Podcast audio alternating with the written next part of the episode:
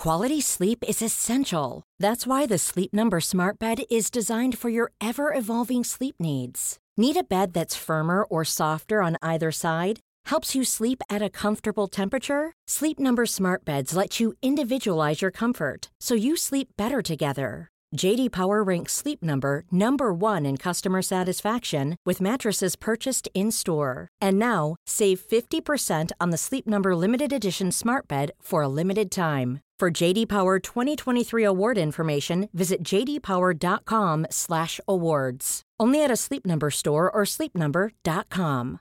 This is Paige, the co-host of Giggly Squad, and I want to tell you about a company that I've been loving, Olive and June. Olive and June gives you everything that you need for a salon quality manicure in one box. And if you break it down, it really comes out to $2 a manicure, which is absolutely insane. It's also so easy to get salon worthy nails at home with Olive and June. The difference between how your nails used to look when you did them yourself and now with the Manny system is a complete game changer. The best thing about Olive and June too is it's a quick dry. Dries in about one minute, lasts for five days, and full coverage in up to one to two coats. Visit oliveandjune.com slash perfectmani20 for 20% off your first system. That's oliveandjune.com slash perfectmani20 for 20% off your first system.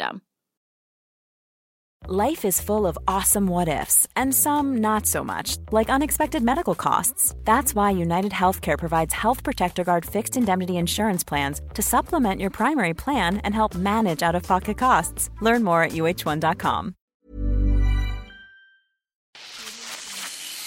730 betyr jo crazy. Hva er 730 i deg? Dette er 730.no, og jeg heter Mathilde Ullum. Velkommen til 730.no. Popstjernen fra Nordens Paris har en vane for å ligge øverst på topplistene. Og du kjenner henne fra monsterhits som Somebody, Backbeat og Love You Like That. I tillegg ligger hun øverst på min Spotify Wrapped hvert eneste år, syv år på rad. Velkommen til studio, Dagny. Takk. Ja, det var fin intro. Takk. Ja, Vi møttes jo første gang eh, på backstagen min på Sentrum Scene, var det ikke det? Jo. Da hadde vi samme hårfrisyre, husker jeg. Jeg hadde akkurat vært hos frisøren, Ja. og så hadde jeg klippet håret mitt som deg. Jeg hadde vist bilde av deg til frisøren. Og så Jeg tror det var på Lemaitre-konsert, for jeg visste ikke at du skulle være der. Mm. Og så sto du bak meg, og akkurat da sto jeg og snakket om deg. For det var noen som bare 'Å, har du klippet deg?' Og jeg var sånn 'Ja, som Dagny, og jeg er så fan', og, og så begynte jeg å snakke om en annen konsert jeg hadde vært på med deg foran de som egentlig skulle spille konsert den kvelden. Ja, ja, jeg. Og så var de sånn 'Snu deg', da, og jeg bare Jeg fikk helt sjokk. Nei, det var veldig hyggelig. For å si det sånn, jeg har ikke glemt deg den, den dagen der. Det var, det var et godt førstemøte. Ja, jeg tror jeg løp etter deg sånn tre ganger, for det var jo en afterparty etterpå. Og så dro man jo ut på byen, og da var Ja, herregud. Jeg har en video hvor jeg står med to glass og drikker. Og er sånn, eller drikker med begge hendene, da, for å si det mildt. Ja, Tror jeg har tre glass i hendene, faktisk. godt jobba. Bra. Ja, det er bra. Familien min er veldig stolt. Og så står jeg og snakker med deg, jeg ser ut som jeg trakasserer deg, og du er sånn ja, ja, skål, skål. Nei, jeg syns det var bare hyggelig. Herregud. Men eh, ja, gratulerer med ny låt. 'Heartbreak in the Making'. Hva handler den om? Den handler vel egentlig om at man kanskje treffer noen, og så ser man noen uh, tydelige sånn uh, eh, At man skjønner kanskje hvor det blir å bære henne, eh, men så kaster man seg ut i det for det. Jeg prøver å sammenligne det med liksom den der første Tequila-shoten på byen. Det, ikke at jeg drikker veldig mye Tequila på byen, men jeg har jo gjort det i løpet av livet mitt en del ganger. Og da Du skjønner jo litt hvor det bærer henne når du tar den første, men så gjør du det jo for det. ja. Og det er jo gøy og spennende, men eh, det ender jo sjelden bra. ja. Men eh, er det basert på egen opplevelse, eller? Stort sett så er det jo ting som, som jeg har opplevd sjøl, men kanskje ikke nødvendigvis liksom det siste uka eller siste måneden eller siste året. Um, og det Sånn har det nå også, tror jeg. Sånn må det vel kanskje også bli, for at eh, jeg vet ikke om jeg hadde klart å leve så dramatisk. Ja, man, det ville blitt ville blitt veldig mange forelskelser og heartbreaks for min del hvis at for hver gang jeg slapp en ny låt om det, siden jeg elsker å skrive om det, så skulle jeg ha gått nylig gjennom det, da. Men jeg er viktig, det er opptatt av at det skal liksom eh, resonnere på et eller annet vis med noen ting i meg. Jeg tipper alle som hører den sangen, har opplevd noe lignende, da. Og noen ganger også når man bare møter noen som man bare tenker sånn her, herregud, du er Det kan jo være den andre sida av det. Du er, du er bare så bra at det her kan umulig det, Ja. På et eller annet tidspunkt blir du å innse at at, eh, noe av dette. At det blir ikke noe. Men um, veldig mange snakker jo liksom om det her vanskelige andre, albumet. Ja. Og jeg har alltid tenkt sånn her Herregud, hvor vanskelig kan det være? Det, det, det går nå sikkert fint, liksom. Um, men fy søren, altså. Det har vært en prosess fra jeg gjorde um, Strange Lovers, som var forrige første album, da, eh, til å komme hit at jeg kjenner meg liksom klar for å kaste meg ut i det igjen. Um, og det tror jeg egentlig handler om at som artist så, så har du jo gjerne en greie som kanskje er din greie, og så er du veldig inspirert av det. Og så, når jeg gjorde førstealbumet, så følte jeg på en måte at da fikk jeg liksom gjort den type greier. Og det ble liksom et kapittel, men når jeg var ferdig med det, så følte jeg liksom at jeg plutselig ikke inspirertes av de samme tingene på nytt. Eh, og da måtte jeg liksom ut og finne noen ting på nytt som skulle inspirere meg. Um, og det var ikke de samme tingene som kanskje inspirerte meg mens jeg jobba med førstealbumet. Og, og det liksom var jeg kanskje ikke forberedt på. Jeg tenkte sånn, nei, nei, men da kjører jeg jo bare, skriver masse låter, og så gjør vi det igjen. Men plutselig så ble liksom det sånn derre Nei, jeg måtte liksom lete veldig for å finne ut hva som, som inspirerte meg, da, og som føltes spennende å jobbe med. Um, og da har det jo på en måte litt endt med at jeg har gått litt tilbake til røttene igjen, som er litt mer bandy, litt mer organisk. Um, ja, jeg hadde litt live i bakhodet. Elsker jo å spille konserter. Så jeg har liksom fokusert litt mer på det, da. Med de her nye musikken. Mm. Oi, så spennende. Ja, vi får se. Jeg syns jo det. Men Kommer det album nå? Et nytt album? Ja, det vet jeg ikke hvor mye jeg mener at jeg skal fortelle om. Det er nå noe på gang, i hvert fall. ja. Jeg ser vi har fått veldig mange spørsmål om det kommer et nytt album. Ja, så bra. Ja, Ja, det er bra at det er det folk lurer på. Ja, det var veldig Disney-prinsesse er.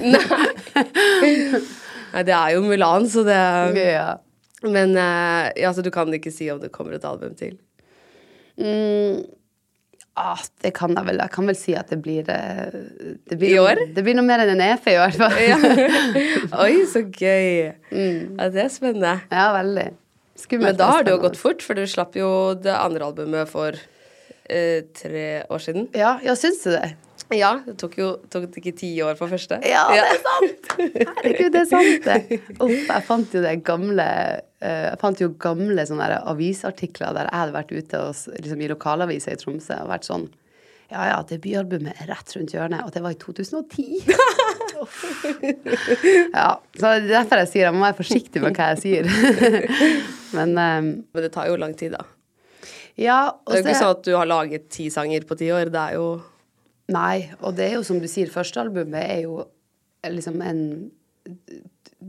Da gikk jeg jo gjennom alle låtene omtrent hadde skrevet i 20-årene. Ja. Og så Mens jeg har det nye albumet, da har jeg på en måte fokusert på bare å velge fra det som jeg har skrevet da siden forrige albumet, til nå. Um, sånn at det, det er jo litt annen prosess. Um, men så merker jeg også at det, det er veldig Jeg er veldig opptatt av at liksom, det skal bli en Det skal på en måte være en en sånn forståelse at som musiker og artister, så må du gjerne bort en periode, og du må liksom få lov å gå inn i den der bobla i studio for å kunne skape. Og jeg tror at sånn som ting fungerer veldig i dag, så er det liksom den her jaget etter å hele tida holde deg relevant, og hele tida slippe ny musikk, og bare slipp den, det er ikke så farlig, liksom. Du, du kan bare gå videre på neste låt hvis ikke det funker. Og, og den kjenner at ikke jeg er så eh, eh, Jeg har liksom ikke behov for å kaste meg på det, da. Eh, da får jeg heller bare liksom føle at jeg kanskje um, At det blir litt mindre release en periode, for så å kunne komme med noen ting som jeg føler at uh, Ja, nå lander jeg en eller annen plass som føltes bra ut for min del, da. Mm. Hvor mange sanger lager du? Sånn, jeg har skrevet og spilt inn. Demoer heter det kanskje. Nei, det blir jo noen, Ja. Hvor mange har du, tror du? Til sammen, Um, hvis du tar med alt? av, som er alt som har skrevet noen gang. Ja. Ja, guri, det tror jeg er mange hundre. Jeg tror jeg, jeg lytta jo gjennom hva det var jeg sa på forrige album, da lytta jeg jo gjennom 250 låter eller noe sånt. Og siden jeg gjorde det forrige albumet, så har jeg jeg har spilt veldig mye, da. Og jeg, jeg skriver ikke når jeg um, spiller. Um, Da deler du det veldig. Så nå er det turné. Nå er, Ja. ja. Når jeg er på turné, så vil jeg liksom være i den bobla, og jeg vil ha tid til å eh, liksom henge med bandet og kanskje rusle en tur i byen. Og, og selvfølgelig forberede og gjøre alle de tingene som kommer med å være på turné. Eh, men det er ikke så at jeg liksom booker et rom bare for å sitte og jobbe liksom, i de få timene man har. Eh, nei, da vil jeg heller liksom bare kose meg med å være på turné og tillate meg liksom, som sagt, å bare være til stede i det. Og så heller da liksom ta noen uker eller eh, og bare være i skrivebobla. Eh, sånn at jeg har jo ikke skrevet liksom jevnt hele veien siden forrige albumet. Men sånn periodevis har det vært veldig intens. Og det har, ja, det har sikkert blitt eh, Vet da faen. Kanskje mellom 80 og 100 låter eller noe sånt. Oi, Så shit. vært, eh, ja. Så det blir jo en del. Men det er jo på de, i løpet av de tre årene, da. Så det er jo Ja, det er mye, da. Ja, det er ganske mye. Men altså, hvis, du jobber som fulltids låtskriver, så, så er det kanskje ikke så mye. Men uh, med tanke på kanskje alt annet vi har gjort, så er jeg glad for at det har blitt litt. Ja. Du er jo kreditert som låtskriver på Katy Perry sin Never Really Over også. Hvordan var det? ja det var spennende. For hun hadde eh, hun, Den er liksom basert på Love You Like That, som du har skrevet. Stemmer. Og da blir du kreditert som låtskriver. Ja. Det er jo sykt fett, da. Hvordan er det å få en sånn telefon? At Katy Perry ja det. Nei, jeg tror ikke jeg tok det for god fisk først. Nei, du trodde ikke på det? Nei. Jeg tenkte bare Nei, det Først så fikk jeg jo en telefon litt sånn tidlig på året. Um, at, uh, at det var snakk om en låt da, som, hadde, som de, hun skulle slippe, som da var på en måte inspirert av Love You Like That. Og så um, så tror jeg det var ganske mye sånn frem og tilbake når den skulle komme, om det var liksom singel, om det var hva det var, liksom. Eh, Og vi fikk ikke høre noen ting. Og så gikk det liksom noen måneder, så glemte man det litt sånn av, egentlig. Um, for det ble liksom ikke noe mer snakk om det. Så plutselig en dag så bare liksom, tikka det inn en e-mail med en sånn lyttelink. Så da var det liksom sånn Den linken varte bare i liksom, noen timer, noen, noe sånt. Um, og så vil den forsvinne igjen, og du kunne ikke laste ned eller noe sånt. Um, så, fikk, så at vi fikk hørt hennes eh, altså Never Really Over, da. Og da husker jeg at jeg, jeg var ute hele den dagen og på farta, liksom, så jeg, jeg måtte bare holde telefonen sånn opp til øret. Og så, og så var det bare en liten snippet av låten. Og så husker jeg jeg tenkte sånn Nei, guri meg, det her hørtes det høres ikke ut som Love You Like That i det hele tatt. tenkte jeg bare. Det her blir jo bare pinlig at vi skal liksom krediteres for noen ting, og så, og så er det ikke så, så er det på en måte ikke reelt engang. Så da blir jeg litt stressa for det. Sånn. Så jeg krediteres nå, og så tenker bare sånn Hæ, det er jo ingen sammenheng her whatsoever. Um, men da fikk vi beskjed om at den kommer nå om bare noen uker. Det her var i starten av jeg tror det var i starten av mai eller noe sånt. Um, og så når låten kom ut, da, så, så hørte jeg jo at det var en del likheter. Og, og jeg har jo vokst opp med Katy Perry og har hørt masse på henne når jeg var eh, ungdom. Så det er jo veldig gøy at eh, Og sikkert vært inspirert eh, av noen av de tidlige tingene hun gjorde. Og det, og det var nå i ettertid, altså flere år etterpå, så, så har jeg vært i Los Angeles nå i høst, og da jobber jeg med de som som jobba på Never Really Over, da, som ikke var en del av, av Love You Like That. Og da sa de også rett ut at, eh, at de hadde som bevisst gått inn At de var sånn direkte inspirert, da. Um, og vi har jobba ganske mye i lag etter det. Og, og da fikk jeg liksom høre alle Jeg fikk høre den første demoen deres. Jeg fikk høre liksom hva hun hadde skrevet om, og, eh, og fikk liksom litt mer sånn the, the backstory. Så det var, det var veldig spennende. Ja. Shit, så kult! Ja, jeg synes det ga jo liksom Love You Like der også et Vi var, hadde jo på det tidspunktet hatt den ute et, i hvert fall et år eller to, så det føltes ut som at liksom Love You Like der også fikk liksom bare leve litt lenger, og det, og det syns jeg var fint for låten sin Der. Ja, ja. Er det en av dine favorittlåter? Ja, det vil jeg nok si. Absolutt. Det En av mine òg. Er det det? Ja. ja. Så bra. Den er så fin. Ja, det var en ganske sånn personlig låt når vi skrev den. Um, og det var en veldig fin dag. Vi, vi skrev Det var en sånn type lang dag. Jeg tror vi begynte å skrive klokka elleve, og så gjorde vi siste vokal klokka fire på natta noe sånt. Og så måtte jeg dra rett til flyplassen, det var Los Angeles, for at jeg skulle fly tilbake til Europa bare noen timer senere. Så det var en sånn intens dag som jeg husker veldig godt, men på en sånn positiv måte, da. Nei, så jeg er veldig, veldig glad i den. Jeg var litt spent på hvordan folk skulle reagere på liksom så mange I love you er låt. Jeg tenkte herregud, det her kan gå begge veier, tenkte jeg. Men eh, så gikk det bra, da. Mm. Ja, den har vel 45 millioner avspillinger på Spotify, så det har gått veldig bra. Men eh, ja, i var det 2016 så slapp du Backbeat, som du slo gjennom med, og så ble du signet til Republic Records i USA. Hvordan var det? Nei, hele den perioden der var veldig eh, spennende. Og det det var jo veldig mange som snakka om det med at ting hadde på en måte skjedd over natta.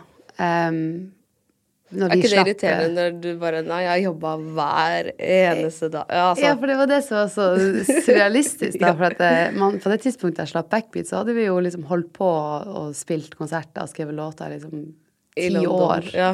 og hadde bodd i London i mange år og jobba der. Um, men så er det jo litt sant òg, fordi at det var veldig mye som endra seg ganske sånn Så føltes litt sånn at ting endra seg over natta. Mm.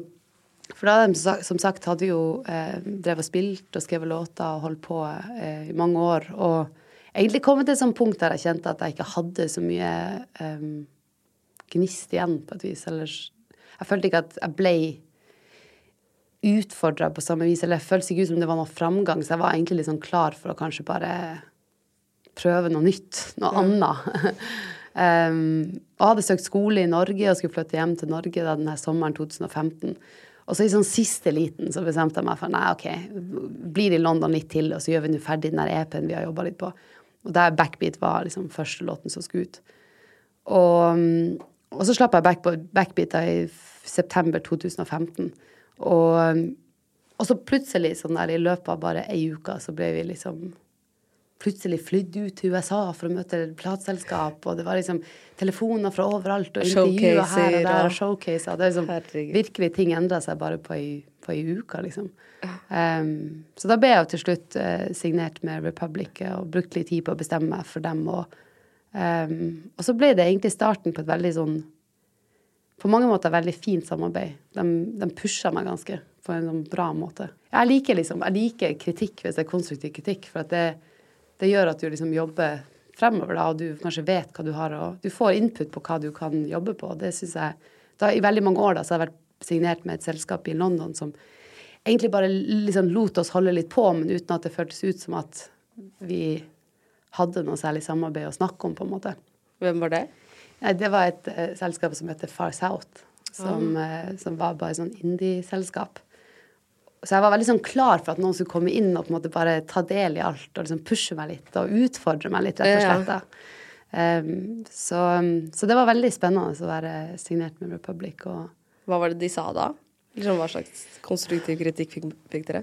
Nei, det var jo Mye gikk jo på musikken, da. Altså, på det tidspunktet hadde jeg jo skrevet veldig mye. Men, eh, men de var så utrolig sånn particular med, med hva som Jeg tror i løpet av de årene jeg var signert med dem, så tror jeg bare jeg slapp liksom slapp én EP, og så slapp jeg kanskje fem-seks låter over liksom fire år, da. Oi. Men de låtene var sånn Altså, jeg kunne sende dem masse låter, og så fikk jeg bare aldri svar på noe. Og så kunne jeg sende dem sånn som Love You Like der. Og da det bare sånn herre capital letters tilbake. Sånn herre Holy shit, love this, liksom. Og da visste jeg yes, da var vi inne på et eller annet. Og da var vi jo ofte enige om det òg. Det var jo ikke sånn at jeg bare OK, nå ville de ha den låten, da kjører vi, liksom. Men, men når det klaffa, så klaffa det så sykt, da. Um, så um, ja, og så var det jo Etter at jeg designerte med dem, så var det jo første turene til Los Angeles, og der er jo altså Det er så mye talentfulle folk der, og folk som er så kjempegode på det de driver med, og, og, og det var jo også en enorm læring for meg. Uh, Ja, føle føle seg litt sånn som underdogen men, i rommet, men, men det liker jeg, for da er jeg med folk som, jeg, som utfordrer meg, og som, eh, som jeg kan lære masse av. da. Så jeg lærte utrolig mye de årene der. Men er det mye skarpe albuer når folk er så flinke og alle vil det samme? Nei, det føler jeg egentlig ikke. Um, kanskje ikke jeg er bare så obs på sp- spisse albuer, jeg vet ikke. Jeg føler ikke at det liksom Det har i hvert fall aldri vært en sånn greie som jeg har eh, Jeg føler det er rom for eh, det er rom for de liksom fleste. Det er jo bare plass til mye musikk, tror jeg, der ute. Ja. ja sånn at eh, Nei, det er ikke noen ting som jeg har tenkt så veldig mye på, i hvert fall. Ja, det er bra. Men eh, det som jeg lærte, da, eh, er jo liksom at um, det er bare utrolig mye folk der ute som ikke bare er veldig talentfulle, men som også har stor lidenskap og stor um, Og som er villige til å, å liksom jobbe på da, for å, for å få ting til. Så når jeg flytta til London, så var det jo Vi møtte jo folk som gigga liksom syv kvelder i uka, og folk som skrev liksom skrev hver morgen, og så var det å spille på kvelden, og så Og da ble jeg plutselig en utrolig liten fisk i en veldig stor eh, pond. Og, og det tror jeg også gjorde noen ting med måten min å forholde seg til å liksom bare, ja, som sagt, utfordre seg sjøl. Det å bare jobbe på, det å tørre å kaste seg ut i ting. Det å skjønne hvor mange timer man kanskje må legge inn da, for å få ting til å skje. Hvordan turte du å flytte til London som 21-åring? Gjorde du det alene? Mm. Herregud, var det ikke skummelt? Nei, Jeg vet ikke hva jeg tenkte på det på den måten. Det, det var jo litt random. Det var jo sånn der å stikke liksom, fingeren i været og bare se hvor Ja. vinden tok meg, liksom. Bare, Um, jeg skal til London, jeg. ja, ja. Og så dro du. Ja um, Hadde du noe å dra til, eller sånn? Ja, for det var jo det som var Ja. Jeg hadde jo, jeg hadde jo møtt en, en, en kar, da. oh, ja, fra London. Ja. um, og vi kjente jo ikke hverandre spesielt godt på det tidspunktet, men uh, Hvordan møttes jeg var dere? fryktelig forelska. Hæ? Hvordan møttes dere? Nei, vi møttes faktisk i Jeg dro til London én tur for å skrive med noen som jeg hadde møtt i Tromsø. Um, og så eh, skulle jeg gjøre to dager med, med han låtskriveren. Og så kansellerte han dag nummer to. Og da sendte han meg til et studio i Petswood, heter det. Og det var da huset til eh, studioet til han som jeg, jeg ble kjæreste med. Så det var veldig, veldig tilfeldig. Og så, eh, så jeg flytta jo da også for å velge med han, men han drev jo med musikk, og jeg drev med musikk, og vi hadde begge lyst til å bare sitte i studio hele dagen og skrive og jobbe. Um, og så kjente jeg liksom ingen Jeg vurderte jo Bergen og Oslo, men jeg, jeg hadde søstera mi i Bergen, men jeg kjente ingen musikere der. Og Oslo hadde jeg liksom ikke noe forhold til. Så jeg tenkte ja, ja, da drar jeg til, jeg til London. Så jeg flytta jo inn der bare tre måneder etter at vi hadde møttes. Så det var jo var ballsy, kanskje. Men Ja, det er ballsy. Men da skjønner jeg litt mer hvorfor man flytter dit. For det hadde man ikke hatt noe å dra til sånn, Det er jo mange som gjør det òg, og som er veldig modige. Men det er jo skummelt. Absolutt. Og det første året var jo eh, Det var utfordrende. Det var, Altså, jeg kjente jo ingen utenom han, da. Og, og hadde jo gått fra å bo i Tromsø, der jeg liksom hadde fire jobber og kjente masse folk, og det var alltid noen ting jeg skulle gjøre. Så kom jeg dit, og så var det bare sånn her Herregud, det var ingen som omtrent merka om jeg liksom sto opp klokka åtte på morgenen, eller om jeg sto opp klokka to på ettermiddagen, eller at du måtte liksom lære deg å motivere deg sjøl, og lære deg å sette deg sjøl i gang, og, og um, ja, samtidig som du skulle bli kjent med en ny by og nye folk og sånn, så det var litt sånn um, Ja, når jeg ser tilbake, så tror jeg jeg ble ganske sånn selvstendig de årene, og det har nå for så vidt kommet godt med, så så det kom masse godt ut av det, men det, det var litt sånn utfordrende det første året. Det var det. Så den Ung norsk og verdenskjent på P3. Ja, stemmer det, ja. Og ja. der snakker du om at eh, det var mye om og men. Eller sånn, du vurderte å gi opp. ja. Og Juna, som er din manager og søster, yeah. snakket også, da snakket dere mye om det, da. Og at moren din hadde sagt en ting som gjorde at du bare Nei, nå skal jeg gå for det. Yeah. Husker du hva det var? Ja, det var jo Det var jo den der sommeren jeg hadde søkt på jobb. Og Nei, søkt på jobb, søkt på skole. På Rena Music Management. Eller Music Management på Rena. Eh, så tenkte jeg det var i hvert fall litt Det var i hvert fall en, en måte å fortsatt være i musikken, bare ikke på den måten jeg var på det tidspunktet. Og så kom jeg inn da, og så var det veldig mye frem og tilbake om jeg skulle gjøre det her. Og um, mamma hun er liksom uh, min største samtalepartner i livet. Og hun er også artist. ja, sanger. hun er musiker, ja. Driver med jazz og bossa nova. Hun og jeg, vi sånn, vi liksom, jeg tror vi brukte to uker der vi var innom alle, liksom, alle aspekter av alt. liksom. Det var OK, hvis du flytter til Norge, så blir det sånn og sånn. Hvis du blir i London, så blir det sånn og sånn. Det er positivt. Altså, vi var liksom, vi, vi gikk gjennom alt, da. Og så på et tidspunkt så var han pappa på hytta. Der har vi ikke dekning. så vi hadde ikke snakka med han. Og så til slutt så fikk jeg liksom tak i han, da. Um, og da sa han bare Nei, nå skal du bare bli i London. Eh, Du må i hvert fall gi det til du blir 30, sa han. Um, og da tenkte jeg ja, vet du hva, det var nå kanskje litt tidlig å, å gi seg. Og det er jeg veldig glad for. Men det syns jeg også var cred til foreldre som hadde en 25-åring som surra rundt i London og ikke ante hva hun drev med, og så bare tørre å si at ja, nå skal du bare, skal du bare stole på det og fortsette. Det er kanskje det som har vært hovedgrunnen til at jeg fortsatt holder på. Det er liksom ikke at jeg har sånn derre eksepsjonelt mye talent, eller at jeg liksom er um, At det Ja, det er liksom ikke noe sånt. Det er bare at um, man på en måte aldri ga seg, da. Så det prøver jeg, jeg å si syns du har eksepsjonelt mye Ja, talent. det er hyggelig. Jeg skjønner hva du mener. At, ja, det handler jo om å aldri gi seg. Og jeg tror mange Mm. kan kjenne seg igjen i den situasjonen. At man bare føler at man holder på, holder på, holder på, så skjer det ingenting. Og så Mm. er det jo summen av alt det man gjør, som gjør at det kommer til å gå bra. Ja. Det er liksom når man eh, forberedelser og, um, og muligheter liksom klaffer, og når du på en måte Ja. bare holder du på lenge nok, så, så liker jeg å tro at det kanskje klaffer til slutt. Da. Ja, ja. For er du godt forberedt når du får muligheten, så er det mye lettere at det går bra. Ja. Det er mange liksom som, eh, som kanskje blir kasta ut i musikk veldig tidlig, og, og som eh, liksom eh, plutselig står foran et ganske stort publikum og liksom kanskje ikke har hatt mulighet til å nesten spille før, liksom. Jeg tenker at det som var positivt med at jeg var liksom litt eh, late bloomer i gåsøya, er jo at vi fikk veldig mange år på å bare spille masse og teste masse og prøve og feile og holde på uten at noen liksom sto med lupa og fulgte med liksom, Ja. på alt vi gjorde. Da. Så det ble jo veldig sånn Vi fikk mulighet til å bare eh, holde på for oss sjøl lenge. Og det, det tenker jeg var veldig gøy og spennende tid av livet, men også tror jeg ganske viktig nå i ettertid. Ja, for det var ganske skummelt å blowe uten erfaring. At man Mm. bare mm. Plutselig skal du på scenen i Paris, og du bare sånn Har aldri vært på en lydsjekk før. Ja, men sant. Ja, det, det må være nervepirrende. Ja, vet ikke hvordan det er å in there, og du ja, blir stressa alt. Det, ja, du kalte deg selv late bloomer. Men det er jo ikke 25 år er jo på en måte ikke sent, da. Nei, det der har enda Det føler jeg liksom Jo eldre jeg blir, jo mer tenker jeg sånn Herregud, Ja. hva vi stresser med. Ja. Uh, man blir liksom farget av at det er så mange unge nå som gjør det så utrolig bra. Sånn, sånn som Undergrunn er på album nummer to, og de er 20. Ja, det der syns jeg er vilt, altså. altså. Som sagt igjen må jeg bare få lov å påpeke at alle sin vei er jo veldig forskjellig, så det finnes jo ikke noe fasit på det her. Men jeg var faktisk og eh, hadde en sånn her eh, seminarprat, eller hva man skal kalle det. Ja, bare en prat for, for, for um, unge um, unge kvinner, da, eller jenter, som, eh, som ja, både produsenter og musikere og folk som var interessert i musikk da, på Popsenteret.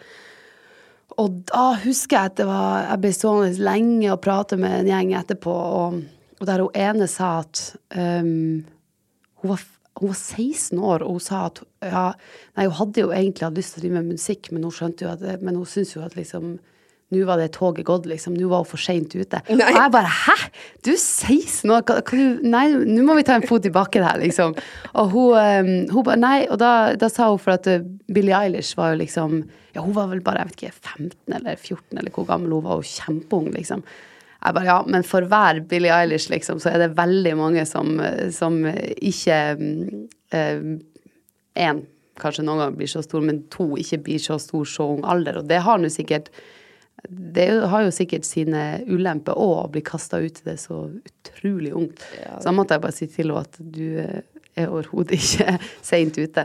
Men, eh, men jeg husker jo at når jeg var 25, så ble det jo litt sånn der eh, at man, man snakka om det kanskje som at jeg var liksom late bloomer, og det var seint ute. Og nå nå er jeg 32, nå tenker jeg jo som sagt at uh, det var ikke seint i det hele tatt. Det var, ja, så det endra seg litt. Og den fasen før backbeat var jo også Herregud, vi hadde det jo så gøy. Altså Hvis jeg skal tenke på det som bare er livet, så er jeg sånn Jeg begynte å se tilbake på den perioden jeg blir 80 og være sånn Fy faen, vi hadde det jævlig kult, liksom. Ja. Det var Vi fikk gjøre masse gøy, og ehm, den, Jeg syns ikke den perioden er noe mindre verdt, liksom, bare for at ikke folk ennå kanskje hadde tatt musikken til hjertet på samme måte som nå, da. Jeg husker i Lørdagsrådet så sa du at du sto i London og delte ut lapper med navnet Ja. ditt på. Herregud.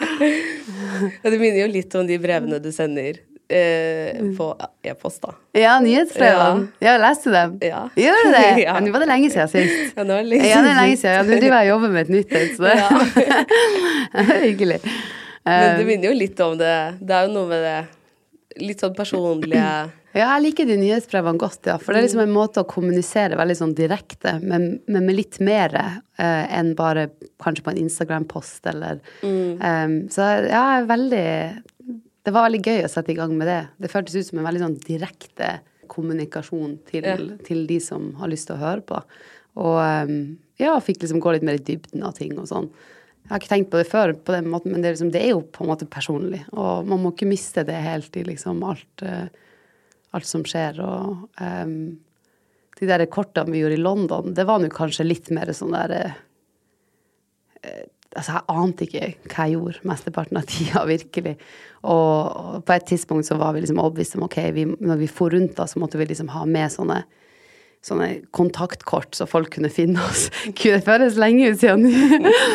Men ehm, Så da satt vi liksom på stuebordet hjemme hos meg og bare klippte opp liksom flere hundre sånne kort. Og det var liksom ikke bare sånn derre Vi hadde trykka opp, og så måtte vi bare klippe det opp. Det var sånn derre Glitt, glitterramme, og det var liksom sånn logo. Alle hadde forskjellige farger. Og så var det liksom å skrive inn e-mail og Instagram, eller hva vi hadde på den tida, holdt på å si.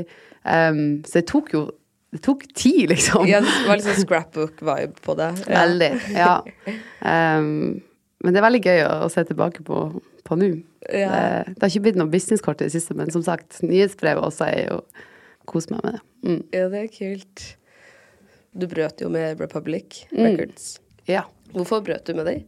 Nei, det var egentlig en veldig sånn gjensidig um, Det var veldig gjensidig eh, Det var jo dem som til slutt måtte bestemme om vi skulle fortsette eller ikke, men, men det var, var veldig gjensidig fordi at um, Ja, nei, jeg, jeg tror det var litt sånn på samme måte som jeg opplevde når jeg var 25 og satt og følte at eh, jeg stanga hodet mot veggen, og det kanskje ikke ble så givende lenger. Så tror jeg at med meg og Republic så kom vi bare til et punkt der vi hadde lyst til å jobbe på veldig forskjellige vis.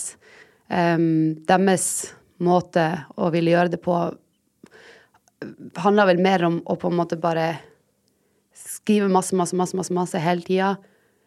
Velge ut de få låtene som, som du så for deg kanskje kunne bli en verdenshit, og så gønne på med det, og så putte veldig mye bak det. Og det er ikke, ikke noe liksom Som sagt, jeg slapp veldig få låter med dem, og, og det syns jeg var bra. For jeg slang liksom ikke bare ut masse som ikke Det var veldig øh, Heller færre enn bare kjempemange, liksom, som jeg kanskje ikke kunne stå inne for. Men det kom til et punkt der jeg kjente at øh, ting tok veldig tid. Det liksom, alt, alt ble så veldig sånn langtekkelig for å bare få liksom, svar på helt enkle ting. Det skulle være så stort system. Det var så mange det skulle gjennom. Og det var så mange som skulle være enige om alt. Og, og jeg følte liksom at uansett hvor mye jeg skrev, og sånn her, så, så på en måte eh, Vi kom liksom aldri til en sånn punkt der um, um, Der ting bare liksom ble litt sånn der eh, Ting bare tok veldig mye tid, da. Um, og så kjente jeg at det der jaget etter at nå skal vi liksom bli sånn verdensgreie, det var liksom ikke nødvendigvis det som var mitt mål, da. Mitt mål var heller å få lov å holde på og kjenne at vi har en progresjon, og kjenne at det gir mening, liksom. Og på et tidspunkt så bare ga det ikke mening lenger. Da ville jeg, jeg ville gjøre album. Um, det var ikke dem så interessert i. Um, jeg ville dra på turné. De ville heller at jeg bare skulle være i studio og skrive. Um, de ville liksom fortsette med den der hold igjen, hold igjen, hold igjen til vi kanskje skulle liksom ta over verden. Mens jeg var mer sånn skal vi ikke heller bare ta liksom ett Bare bygge disse stein for stein, og så, og så med, med å spille og tørre å satse på å lage et album. Ok, kanskje det er færre som hører det, men, men de som hører det, kanskje får et eh, Ja, de som hører på det, får i hvert fall noe å høre på, da. Det er jo ikke uvanlig at man bryter med plateselskap. Det er sikkert mer vanlig enn ja. mye annet. ja. Så fikk jeg jo et utrolig fint plateselskap her i Norge og i Tyskland som jeg føler vi connecter veldig på veldig mange ting og ser ting på litt sånn samme måte. Så det har vært veldig givende, egentlig. Mm. Det her tror jeg jeg har spurt deg om før, faktisk. Men i 2017 så kom jo musikkvideoen til 'Wearing Nothing'. Og det er jo en sang hvor du synger om at du er så forelsket, og man vil jo kaste klærne. Og så er det en musikkvideo der du aldri kaster klærne, og det syns jeg er litt kult. Det var kanskje bevisst. Ja. ja, det ble kanskje for, litt for literal, men, eh, Nei, den um, Nei, kaste klær, da. Det er ikke så ofte jeg gjør det. Nei, altså det var jo en sånn slags overført betydning, da. Liksom at uh, når man møter noen som man har bare lyst til å vise alt på alle måter. Uh, jeg tror aldri vi engang vurderte å kaste klær, faktisk. Um, men uh, ja. Har jeg et rart syn på musikkvideoen? Det er bare så typisk at man snakker om syns man omtrent kan synge om hva som helst, og så er det jo artister som står der omtrent nakne i et badekar, og ja. man er så vant til å bli eksponert for det. Nei, det er bra. Det, for meg har det alltid vært en sånn greie med at uh, man må gjerne kaste klærne så lenge det er du sjøl som har lyst til å kaste de klærne, hvis du skjønner. Mm. Um, og det er også tilbake til liksom uh, Når du er med sånn stort plateselskap, eksempel, så Og litt det her med også å få tid til å finne ut av ting sjøl, det er jo at du vet når du skal sette grenser, og du vet når du kjenner deg sjøl kanskje godt nok også, og kanskje trygg nok i deg sjøl til å kunne si nei og sette de grensene, og på en måte heller ta styringa sjøl. Mm, og det var faktisk aldri en greie med Wearing Nothing, ironisk nok, det her med klærne. Men vi hadde faktisk en, en litt sånn situasjon på Backbeat-videoen, som var min første musikkvideo, der jeg på et tidspunkt eh, Det var noen som, eh, som slengte liksom Som ga meg en jakke, da. Og så sto jeg der og venta på buksa, men den kom aldri. Og, og, da liksom eh, husker jeg at vi hadde en sånn prat, fordi at de mente liksom at den jakken var nok, og jeg mente at den var ikke nok. Mm. Så fikk jeg buksa til slutt, da. men, men, da måtte jeg liksom stå litt opp for det, og det selvfølgelig, jeg tror det er nesten Det er jo helt sinnssykt å si det, men det er, sikkert, eh, det er sikkert mange som har kjent på liksom press på at de må liksom vise litt mer, eller, eller sånn. Men og det er ingenting galt i å vise hva enn, men det må være for at man sjøl har lyst til å gjøre det. Ikke for ja, ja. at noen andre ønsker at du skal gjøre det. Ja, ja. Mm. Det er superubehagelig å måtte si fra, da. Eller sånn. Ja, det Ja, det er liksom Der må man bare Ja, og der må man bare ikke la seg liksom pille på nesa over hodet. Der må man bare si nei, sånn blir det ikke. og det er helt greit, liksom. Det, jeg tror at folk eh, Heldigvis har i hvert fall jeg opplevd at, at, alle har respektert det da, når jeg har sagt ifra. Men det som blir den kampen, blir jo kanskje først og fremst med seg sjøl, hvis man føler på det presset. Og så har man ikke lyst til å gi etter, og så mm. føler man kanskje at noen tenker at du ikke er villig til å liksom gjøre det som skal til. Men der igjen er det bare sånn, nei. Det, det går fint an å få ting til uten å gjøre det på bekostning av at man har det bra, da. Mm. Ja, ja. Jeg føler det har blitt litt annerledes nå også. Eh, nei, men det her med å liksom eh, bli eldre i en bransje som er liksom veldig um, Der det er liksom veldig, Det er veldig sånn ungdommelig bransje, på en måte. Det kan jeg ha kjent litt på, liksom. At um, det presset med at liksom um, man skal velge bilder, f.eks. Så det er at man skal man er, Plutselig så blir folk veldig bevisst på at vi må ikke velge noen bilder der du ser eldre ut, eller um, Og plutselig har jeg kjent på en sånn her oh shit, bør vi liksom retusjere her, eller Og da faktisk honnør til plateselskapet igjen. Da har det alltid vært veldig sånn Nei, det, det skal vi ikke. Men um, men jeg har hatt noen sånne samtaler de siste årene, og jeg tror at folk rundt meg kanskje også har blitt mer sånn nervøs for å ta visse valg, for de er redd for hvordan det skal få meg til å fremstille liksom um, Ja, at, det liksom, skal, at du plutselig skal fremstilles på en annen måte bare for at du er blitt eldre. Og da tenker jeg at uh, da må vi normalisere det òg, liksom. Alle blir eldre, liksom. Man skal ikke alle sammen passe inn i liksom én boks. og igjen det med alder, du blir jo liksom eldre, og kanskje på et tidspunkt så begynner du å ta andre valg for at det føles mer naturlig i forhold til hvor du er, men men jeg skal i hvert fall ikke la noen andre få lov å fortelle meg at eh, jeg ikke kan holde på med det jeg holder på med for at nå er jeg liksom blitt for gammel, eller whatever. Det må jeg på en måte få lov å finne ut av sjøl, tenker jeg. Og der også er jeg veldig opptatt av at jeg ikke skal gi etter på liksom eh, Hvis jeg liker et bilde, og så ser jeg litt trøttere ut enn vanlig, så, og folk tenker 'oi, hun var blitt voksen', så er jeg sånn ja, ja, da får du heller bare tenke det, da. Jeg er jo voksen. Men, ja, eh, men det er jo ekstremt mye fokus på det om dagen nå, føler jeg. At folk snakker veldig mye om dette mm. med Botox, fillers ja, mm. På ja, alt av operasjoner og ja, veldig mye av det, det estetisk medisinfokuset. Man, det blir jo mye fokus på de som ikke vil gjøre det også. Ja, da tar du kanskje plutselig liksom veldig sånn standpunkt for at du ikke ja. liksom og, og, det For min del så kan jeg godt i hvert fall ta det standpunktet, for jeg, jeg tenker igjen som med med alt annet. Man må liksom finne ut av hva som er greit for deg sjøl. Det som er skummelt, da, er hvis at du tar Botox fordi at det er det du på en måte får inntrykk av at sånn skal det være. Og, eh, og, man, og det er jo blitt veldig normalisert, og jo mer normalisert det blir, jo mer tror jeg folk føler på at ok, da skal de også bare kaste seg på det. men har veldig lyst. Kanskje er det det, men har du lyst da fordi at du er blitt påvirka til å tro at du liksom ikke skal ha noen linje eller sånn? Um, og det, det, er litt sånn skummel plass å, å ja, komme til. Ja. Ja. Så da er det kanskje enda viktigere at man ser bilder i, i sosiale medier som ikke der alt er liksom helt sånn kjempestrigla, på en måte. Ja. Um, Men føler du at folk behandler deg annerledes når du blir eldre? Ja, altså først og fremst så kjente jeg kanskje litt på at når jeg liksom passerte 30, at jeg plutselig Det er veldig sånn skille, følte jeg plutselig, når man liksom bikka 30. Mm. Og det som jeg først og fremst kjente på, var kanskje den derre Oi, nå forventer folk at jeg aner hva jeg snakker om i alle situasjoner. Det, jeg er fortsatt ikke utlært, liksom. Og det er det jeg elsker med musikk. Man blir jo aldri utlært. Ja, vi har liksom hatt noen prater rundt det, men um, Og noen situasjoner Men det er også vanskelig å si på kanskje noen situasjoner der jeg kanskje leser plutselig situasjonen litt annerledes, for at jeg, jeg, lurer på om det handler om at man er blitt eldre. Men, men jeg, i hvert fall, jeg kjenner at jeg har like mye drive liksom, og lyst nå, og jeg har fortsatt så mye å lære som jeg hadde for ti år siden. Og mm.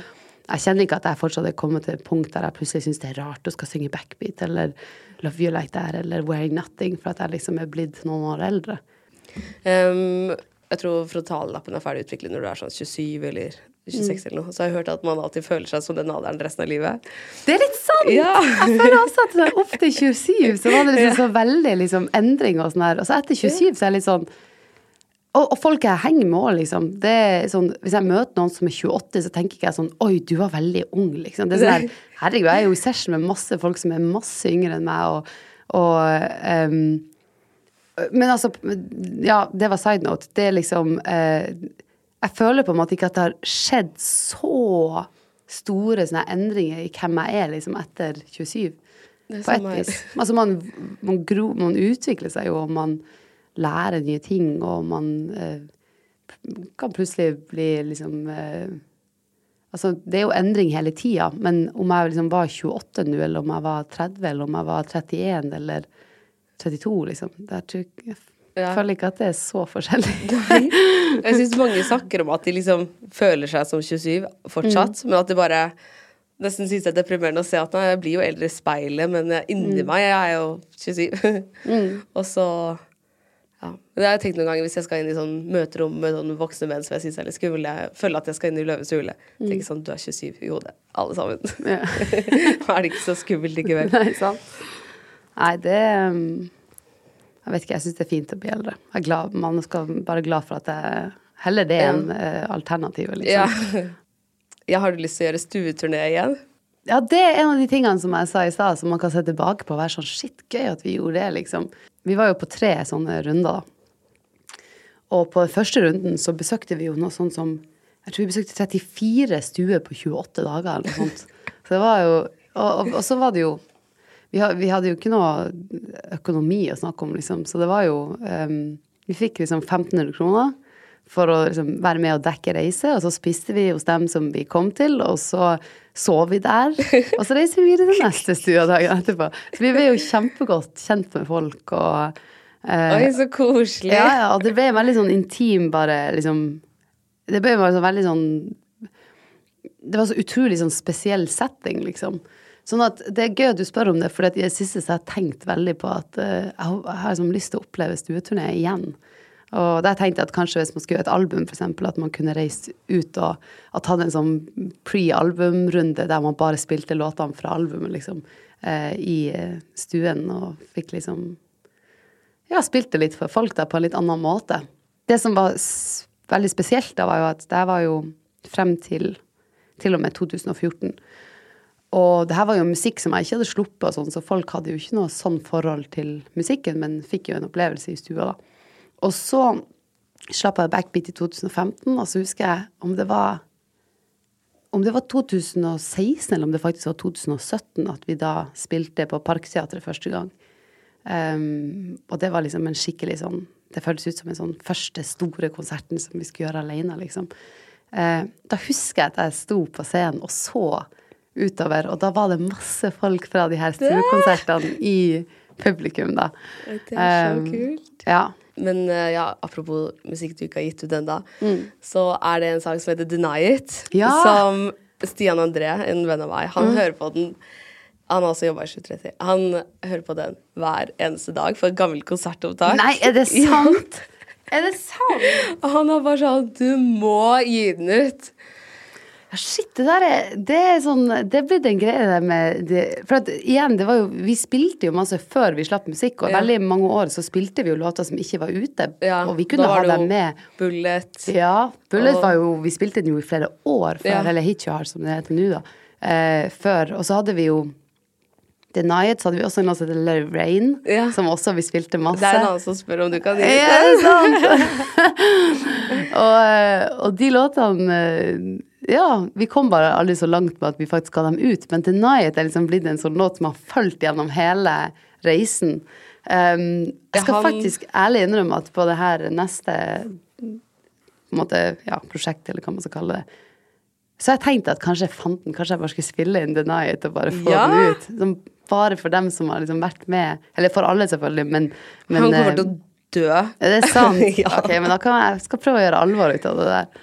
Han kommer til å dø. Han har hørt på det Verven-festivalen-opptaket. Nei, det sant? Jeg kan jo bare sende Jeg har jo en demo hjemme. Jeg kan sende Har du? ja. Altså, han hadde dødd.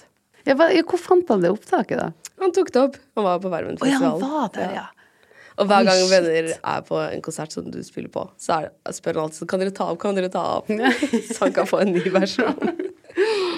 Ja, Den har vi ikke spilt på mange år, men den hadde vi det sinnssykt gøy med å spille òg. Så det var Ja. en sånn live, litt sånn live-favoritt for min del. Ja, da må du jo gjøre det. Ja, da må jeg kanskje gjøre det. Ja, Vi får hilse han og si at jeg, I'm, I'm on it. It's that time of the year. Your vacation is coming up. You can already hear the beach waves, feel the warm breeze, relax, and think about work. You really, really want it all to work out while you're away. Monday.com gives you and the team that peace of mind. When all work is on one platform and everyone's in sync, things just flow wherever you are. Tap the banner to go to Monday.com. Many of us have those stubborn pounds that seem impossible to lose, no matter how good we eat or how hard we work out. My solution is PlushCare. PlushCare is a leading telehealth provider with doctors who are there for you day and night to partner with you in your weight loss journey. They can prescribe FDA-approved weight loss medications like Wagovi and Zepbound for those who qualify. Plus, they accept most insurance plans. To get started, visit plushcare.com slash weight loss. That's plushcare.com slash weight loss. Burrow's furniture is built for the way you live. From ensuring easy assembly and disassembly to honoring highly requested new colors for their award-winning seating, they always have their customers in mind. Their modular seating is made out of durable materials to last and grow with you. And with Burrow, you always get fast, free shipping. Get up to 60% off during Burrow's Memorial Day sale at burrow.com slash ACAST. That's burrow.com slash ACAST. burrow.com slash ACAST. Har du noen fun fact fra Hjem til jul-innspillingen? Uff. Uh, vi hadde jo en sånn uh, scene som, der vi skulle egentlig være på et uh, sånn karaokebar. Så vi var jo nede på Syng. Da skulle jeg synge den derre Rockin' around the Christmas tree.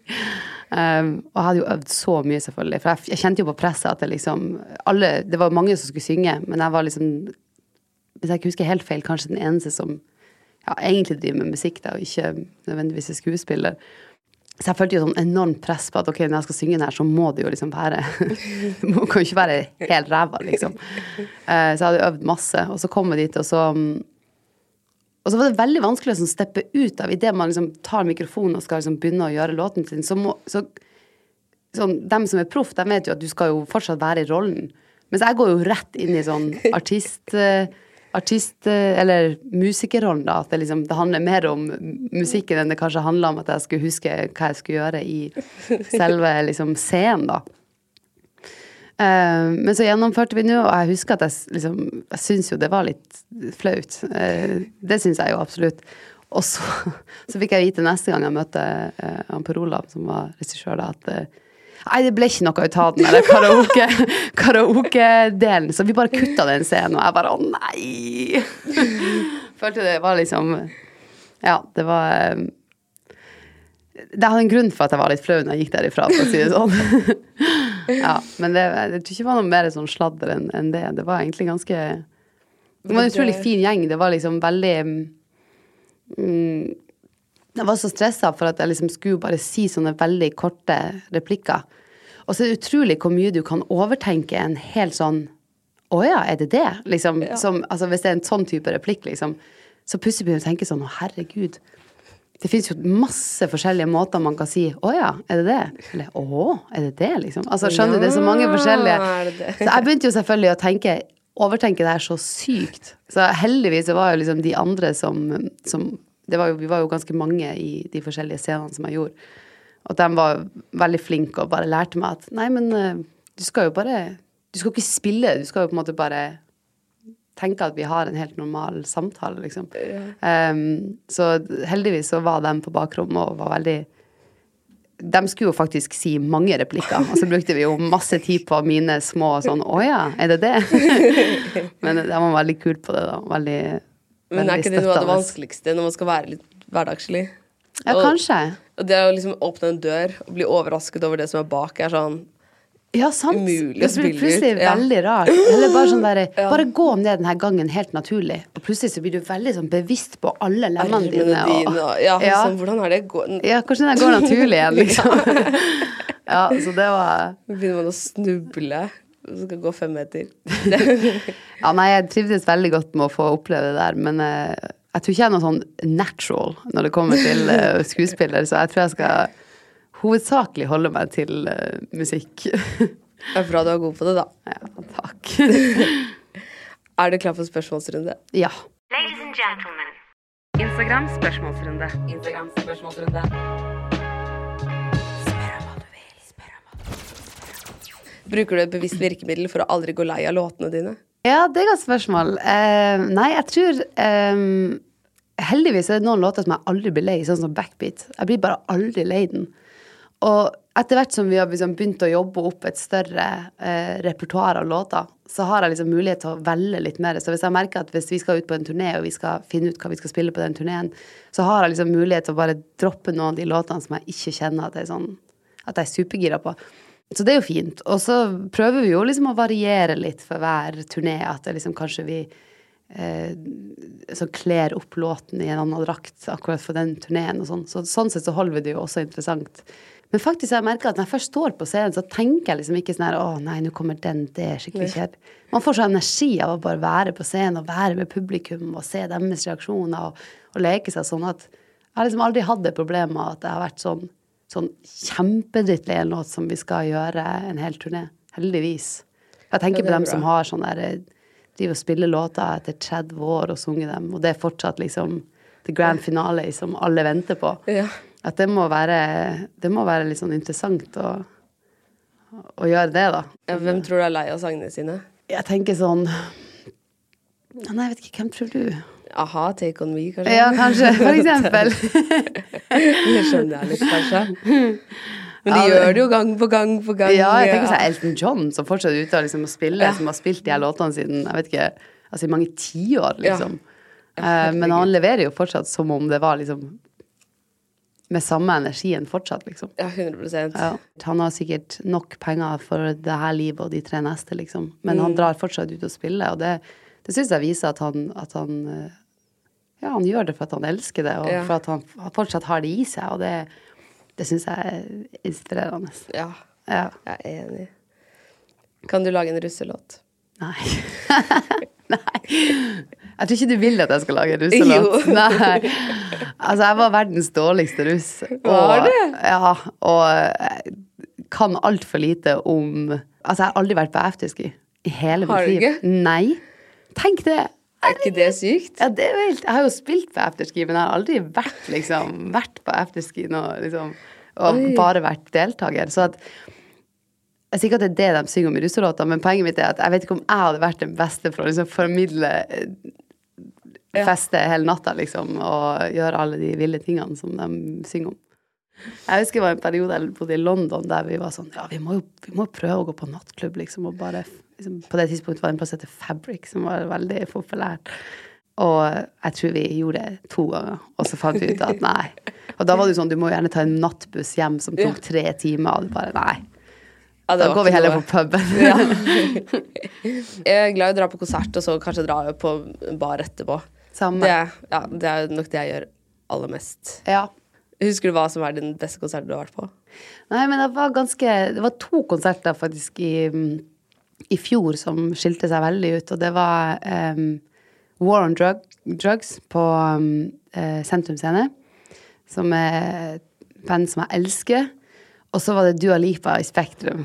Ja. Altså, jeg syns hun bare var så boss. ja. Ja, det var Jeg synes hun er super. Hvis jeg går på konsert og blir ordentlig inspirert, så er jeg sånn at jeg har lyst til å bare springe hjem og sette meg ned og skrive en låt. Og da, da er det ofte et sånt tegn på at det har vært en skikkelig god opplevelse. Enn du, da? Det er jo dine konserter. Det trenger du ikke å spørre om engang. Er det sant? Ja. ja. Ja, det er hyggelig. Herregud. Tusen takk. Det, Jeg tror ikke jeg skal spørre hva som gjør det, for da blir jeg til å tenke på det. Ja. Så det er kanskje best at jeg ikke vet. nei, men det er alltid veldig gøy på dine konserter. Ja, men shit, det er hyggelig å høre. Det var nå på Sentrum Scene, det var i fjor. Da var det ganske sånn rett etter alt hadde åpnet. Og så kom du på scenen, begynte jeg å hylgråte. Jeg sånn, jeg skjønner hva som skjer.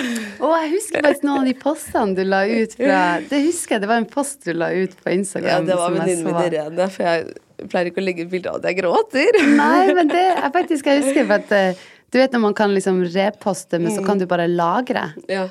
Så jeg har lagra på telefonen min. Ja. Det var Har en så fin video, ja. Det er så koselig. ja. Ja, du har også veldig sånn kule folk i, på konsertene dine. Folk er veldig hyggelige, det er veldig god stemning.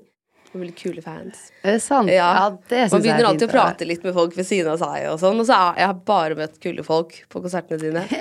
Og det, det er jo veldig bra. Ja. Det er jo ikke alltid man gjør det. Ofte kan det jo bli litt sånn Folk skal snike seg forbi, og alt er litt sånn ja, men shit, det Ja, det Veldig god stemning. det heldigvis så altså, jeg, Det tror jeg deg på, for jeg, jeg merker at det er veldig det, er det virker som det er veldig sånn fin energi, og ja, og de, de som man selvfølgelig utvikler jo litt sånn forhold til folk eh, som har fulgt lenge og sånn, og det oser mye godhet av mange alle, og har liksom Og nå skal jeg ikke jinxe det, for det, det ville jo vært veldig dumt, men jeg opplever jo at det er mange sånt eh, hva man skal si, kol kollegaer, artistkollegaer, eller ja, andre artister som, som kanskje får ganske mye pass, liksom, eller sånn mye dårlige kommentarer og sånn. Og det føler jeg at jeg har liksom sluppet veldig eh, Eller at jeg opplever ikke det så mye. Man skal ikke kimse av det, fordi at det, det er klart, Man ser jo hvordan altså Bare prøv å gå inn på VG og lese liksom, kommentarfeltet der. Det er jo helt sånn der Å, herregud. Ja, man får helt sånn der gud. Folk klumper i magen bare jeg tenker på på hva det. det er i vannet du drikker, på en måte. Mm. Nå mener jeg ikke at de som får det, fortjener det i det hele tatt, for det gjør de ikke. Men det er, du har jo veldig god stemning, eller du har en veldig god utstråling selv, da, så det er sikkert mye av det som gjør at du får mye bra tilbake. For det, Takk. du er jo veldig positiv. Og det liker man jo. Ja, det er hyggelig. Ja. Cosmic Muffin spør Kan du følge meg. Jeg elsker deg, Dagny. Å. Ja, det skal skrive ned når jeg kommer hjem. Får vi se. Jeg tenkte på en annen fan. Jeg husker, Var det i forbindelse med P3 Gull eller noe, så var det Girl in Red hvor hun skulle møte deg for første gang eller. Hun var bare sånn Der er Dagny! Hun skulle gjøre sånn det, ja. programlederting. Da hadde hun akkurat vunnet Ja, det var, på, var det på P3 Gull? Ja, det gjorde, var kanskje eh, det.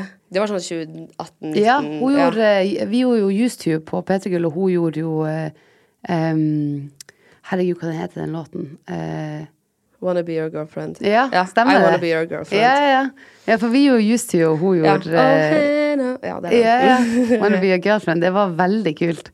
Så det var første gang jeg møtte henne. Så Ja. jeg har bra energi på henne. Ja, Ja. Hun har bra energi. Ja, hun, men hun er fan av deg, da. Ja, det Herregud, ja. Det har vært spennende å følge hennes reise. Ja. Eh, hva inspirerte Heartbreak in the Making? Jeg klarer ikke å huske hva, akkurat liksom, at vi hadde en sånn Vanligvis er det jo veldig sånn spesifikk ting som gjør at um Men har du opplevd at, å bli forelsket i noen hvor du skjønner at ikke du kan få det? Eh, ja, absolutt. Eller man, man, liksom Eller kanskje betatt av, eller um, Som ikke nødvendigvis Som er en relasjon, da, der man kanskje ser liksom um, utfordringen eller de røde flaggene, eller man um, Man kanskje skjønner at det egentlig ikke uh, er liv laga, da, at the end of the day. Det har jeg definitivt opplevd, ja. Mm. Hvordan går det med kjærligheten nå? ja, det går, eh, det går bra. har du kjæreste? Mm. Ja. ja. Liker du ikke å snakke om det? Nei, ikke så veldig. Nei, det er egentlig bare fordi at man um...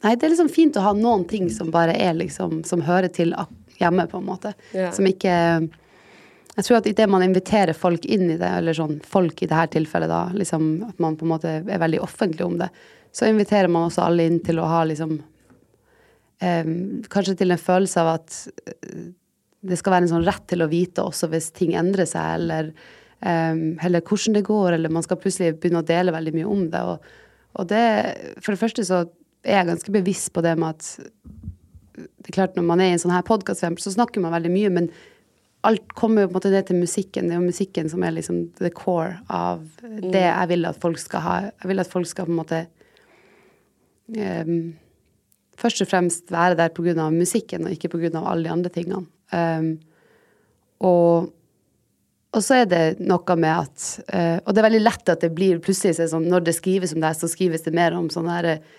forholdsting enn musikken. Og jeg bare vil ikke at fokuset skal ligge der. Ja. Um, og så er det også det med at jeg tror at å ha noen ting som bare er liksom veldig privat. Det blir på en måte sin egen lille lomme som er utafor alt. Du kan komme hjem, og det på en måte bare mm. eksisterer bare der, da, liksom. På et, på et, merkelig vis, hvis du skjønner hva jeg mener. Ikke bare eksisterer der, men at det, at det er noen ting som, som bare hører til eh, Dagny privat, eller sånn mm. Dagny hjemme, liksom. Det, det, har jeg vært litt opptatt av, at det finnes noen ting sånt òg. Mm, det har du klart veldig bra, fordi alle spørsmålene jeg har fått, omtrent er bare musikk. Nei! Ja. Er det sant? ja, se der. Ja det er jo, og så er det jo også litt sånn Altså Når jeg slipper en låt, så vil ikke jeg at folk skal tenke på min story bak låten. Jeg vil ikke at de skal høre på musikken, og, og at min opplevelse av, av, det, eller det som jeg skrev om, at det skal farge deres opplevelse av låten. Jeg vil at folk skal gjøre sine egne følelser eller tanker rundt Den assosierer med altså, Den treffer dem på grunn av noen ting som de kjenner seg igjen i i sitt eget liv. Um, og, og om, liksom, hvis jeg slipper en låt som handler om forelskelse, og så er folk sånn Men herregud, har ikke hun vært gift i 20 år? Så ville det på en måte Men det betyr ikke at du ikke kan ha kjent på ting, eller at du ikke kan huske på ting som har skjedd tidligere, eller hatt eh, refleksjoner rundt det, da. Um, sånn at jeg vil jo connecte med folk gjennom at vi felles kjenner igjen en følelse. Men ikke pga. min historie til den mm. følelsen, men pga. deres egne assosiasjoner til den følelsen, hvis du skjønner. Du har jo lykkes med å lage hits som ikke trenger kontekst òg, da. Ja, det, ja, det håper jeg at, jeg at det skal være liksom regardless for hva som skjer i livet mitt hjemme. At det, jeg kan fortsette å skrive låter, og at det connecter med folk, og at det ikke Um, at jeg ikke må liksom begynne å brette ut om ting som jeg ikke er komfortabel med, for at folk skal liksom føle at det er verdt å sjekke det ut, eller ja, Jeg vet ikke, hvis du mm. skjønner hva jeg mener. Ja, ja. ja. Hva er det mest romantiske noen har gjort for deg? Å gud, jeg er så håpløs. Jeg pleier å si at jeg er håpløs, håpløs romantiker. Og det betyr ikke at jeg er dobbelt håpløs romantiker, det betyr at jeg er en elendig håpløs romantiker. uh, jeg har i hvert fall aldri vært noe sånn opptatt av sånne grand gestures. Uh, så det er sikkert mer sånne, sånne små ting. Gud, når jeg tenker meg om det, spørsmålet har jeg aldri fått før. Ja, det var et bra spørsmål. Uh, ja, det var ja. Har noen skrevet en låt om deg noen gang? Gud, det vet jeg ikke. Kanskje. Ja, faktisk. Det tror jeg. Men det, men det men, Ja, det er lenge siden, da. Um, vet du hvilken låt det er? Ja. Men det tør jeg ikke å si til noen, for det er kun jeg som vet det. Er det sant? ja. um, jeg tipper veldig mange nå tenker at det er sånn Rustad Nei! Det er Fontena på Youngstorget. Ja. Nei, guri meg. Nei, det er ikke det. Nei, det her er for lenge, lenge siden. Nei, um, Nei, det var veldig mange som trodde den handla om meg. Ja. jeg på, Er det bare for at vi begge er nordlendinger, eller noe sånt? Jeg vet ikke. Ja, nei, ikke jeg heller, for jeg føler jo Jeg har jo sunget med han et par ganger, Ja. men jeg liksom føler ikke at jeg liksom posta masse sånn Nei, nei jeg, den, den handler ikke om meg. Det kan jeg bare avkrefte en gang Men hva er for den andre sangen? Kan du gi noen hint? Nei, um, nei jeg, jeg må finne noe annet. oi, oi, oi. Um, Å, jeg ble så nysgjerrig! det ville i så fall vært ekstremt romantisk hvis noen, eh, Ja. hvis noen faktisk eh, skrev en låt. Og det, og det har jeg gjort òg, faktisk. At ehm, det er gøy for at folk kan høre på en låt, så tenker de kanskje at det handler om det eller det eller det. Og så kan kanskje min opp, liksom, det som jeg skrev om, kanskje være inspirert av noe helt annet. Og der har jeg liksom skrevet noen eh, Jeg skrev eksempel en låt som Du vil kanskje automatisk tenke det var en kjærlighetslåt. Og på en måte, kjærlighet er jo mange ting, men det var liksom en låt som jeg skrev til en venn, da, liksom. Um, så man blir jo inspirert av eh, Og da tenkte jeg på om den personen hadde syntes det var hyggelig, hvis han visste at den For derfor sa jeg det aldri. Tror du Eh, noen ikke hadde syntes det var hyggelig om en sang skrevet? Sa du det til den personen? Nei, aldri sagt det. Så det, kanskje jeg må gjøre det. Ja. Um, men nei, det hadde vært veldig hyggelig hvis noen skrev en Du har eh, skrevet en sang til broren din, har du ikke det? Ja, eller jeg skrev en sang, og der, der ble det jo egentlig litt sånn misforståelse, fordi at um, Fordi at den låten på en måte skrev jeg egentlig fra hans perspektiv. Det var aldri en låt som jeg skrev til han, men det var en, en periode som Ja, det liksom skjedde mye greier, og, vi, og, og jeg på en måte eh, var i studio og, og liksom eh, hadde gjort meg bare mye refleksjoner rundt, rundt situasjonen, da.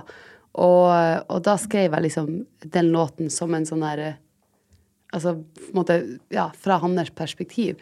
Og da ble det liksom eh, Kanskje det på en måte føles ut som det kanskje ble fremstilt som om jeg skrev den til han. Og det er litt rart, for på et tidspunkt i den låten så sier den sånn her I can still taste you on my lips, sier jeg i den låten. Og det har jeg faktisk tenkt på noen gang live når jeg synger den låta, at det er sånn Shit, det her føles veldig rart hvis jeg skal synge I can still taste you on my lips, og så det liksom Så tror folk at jeg har skrevet den til broderen. Men jeg skrev den da fra hans perspektiv til noen andre i hans liv. Så det, da kanskje en gang for alle fikk vi liksom retta opp i det. Eh, men ja. Ja, for det har jeg ikke tenkt på, men ja, du synger jo det. Mm. Så eh, Nei, men det var Og den låten har jeg vært veldig glad i bestandig. Og mm, jeg syns at det har vært litt Jeg syns det er litt fint å kunne skrive musikk mm, der du på en måte ikke nødvendigvis er nødt til å fortelle noen hva det er. Fordi at man har jo et indre liv, liksom. Man har jo en indre Man, ha, man gjør seg jo masse tanker forbi det man sier, eller kanskje det man er meninga at man skal tenke, eller altså um, Du kan jo være i et forhold og bli betatt av noen andre. Det, er jo, det skjer jo, liksom. Og for eksempel, da. Det var bare et eksempel. Um, og jeg syns musikken er sånn Det er um, det er en fin måte for meg å kunne kommunisere hva enn det måtte være jeg har lyst til å kommunisere. Om det er noen ting som jeg har tenkt på i forhold til ja, sånn som med broderen, da, eller om det er liksom til en venn, eller om det er uh, en tanke som jeg bare kanskje ikke har ville snakke med noen om. Men det er liksom min måte å, å kunne formidle ting som jeg tenker på, uten å måtte gå liksom i dybden og fortelle alle detaljene. Det blir liksom litt sånn ja, det blir et utløp uten at det nødvendigvis eh, At du må, må sette deg ned og liksom fortelle alt rundt det, da. Er det en som sier 'jeg fikk en klem av deg da du sang som 'Somebody' i Tromsø'? Var det like godt for deg? Det var like godt for meg. Hvem er ditt favorittmenneske? Ja, det, det er jo liksom mine aller nærmeste. Det går an å si bare én? Nei, det Ja, går ikke an. Det er vanskelig. Det er vanskelig. Men du har jo familien din veldig nær. Veldig, veldig nær. Og Um, søsteren din Juna er jo manager, og Ja. foreldrene dine er vel også ganske involvert i ja, musikken. De de er jo er musikere, de òg. musikere og har lært veldig mye av dem. Og først og fremst bare det her med at det liksom at musikk må være ting som kommer liksom fra en lidenskap for musikk, og ikke alt er liksom At det er det som er drivkraften i alt, da. Eh, og så har jeg jo Juna, da, som er manager, og det er veldig fint, for at det, det er klart man reiser jo mye og er mye borte fra venner og liksom går glipp av mye liksom eh, sånn der eh, Det er ikke alltid så lett å holde kontakt med liksom folk i livet ditt. Og du er mye på reising, og jeg tror at hvis Nå er jo Juna liksom de siste årene da nesten med på det meste, og da, da blir det jo selvfølgelig mindre liksom ensomt, for eksempel. Um, hvis jeg er flere uker i Los Angeles, som er jo du connecter med folk kanskje i studio, men det er ikke sånn at jeg nødvendigvis henger med dem utafor studio. Og, og, av og til så kommer man kanskje i session der man føler seg helt sånn alien, uh, og man bare føler ikke at man er på bølgelengde i det hele tatt. Og det kan jo være litt sånn um, Det er så intenst, og det kan føles sånn, litt sånn ah, at du går hjem og bare føler deg uh, liksom ikke bra, da. Og da er det veldig fint å ha en person med deg. Og, ja, hvis du da kommer hjem og du er helt alene i Ja. hvor du ikke bor, og det kan Absolutt. sikkert bli ganske ensomt. Ja da. Da er det fint å komme hjem til noen som du vet liker deg akkurat som du er, med Mm. alle dine eh, alle dine sider, liksom. Eh, sånn at det har vært utrolig fint å få henne inn i, inn i denne gjengen. Og hun gjør en veldig Hun er så Vi har så mange forskjellige kvaliteter. Hun er liksom kjempeorganisert og husker alle sånne detaljer på ting og elsker å sitte med sånne Excel-sheets og liksom svare på mail. og og hun liksom har for alt i verden ikke lyst til å være liksom foran. Det er, så, det er så vidt jeg får lov til å ta et bilde av henne, liksom, for hun bare liker ikke å være foran og måtte uttale seg om noe eller sånn. Um, mens jeg er jo mer sånn uh, masse energi hele tida og liksom elsker å gjøre tusen ting og forskjellige ting eh, hver dag og liksom um, Og blir veldig rastløs hvis jeg må sitte på Mac-en i, lenge periode, eller sånn. Og er helt elendig på å svare på mail og meldinger og sånne ting. Og jeg har nok litt det der organiseringsgreia i meg, men, men, men ikke når jeg driver på med så mye annet. Da klarer jeg ikke å liksom Jeg klarer ikke å gjøre de to tingene. Så vi utfyller hverandre veldig godt. Hvordan var du på skolen og sånn? Var du glad Du sitter og smiler. Nei, jeg var ikke dårlig på skolen, men jeg var sånn eh, akkurat eh, midt på treet, og med um, Men var aller mest opptatt av alt som skjedde utover skolen. Så eh, for eksempel når jeg gikk på musikklinja, så var jeg liksom Jeg var ikke noe god i liksom musikkteori, men jeg var ute og spilte så ofte jeg overhodet kunne. Sånn at, sånn at det var liksom så jeg var jo veldig interessert i sånn som da, da, for eksempel musikken, men jeg var kanskje ikke så jeg var liksom, Hvis du skulle be meg om å liksom dakke eller begynne å fortelle om noter og sånne type ting, så, så hadde jeg ikke liksom Det hadde jeg ikke vært så god på. Sånn at jeg tror nå jeg var midt på treet, og, men jeg tror ikke jeg la liksom sånn kjempemye Jeg var bare veldig opptatt med alt mulig annet. Jobba masse og likte liksom Nok mer liksom eh, ja, jeg er liksom praktiker, kanskje. Mer Ja. enn ja. Har du hatt noen konsentrasjonsvansker eller noe?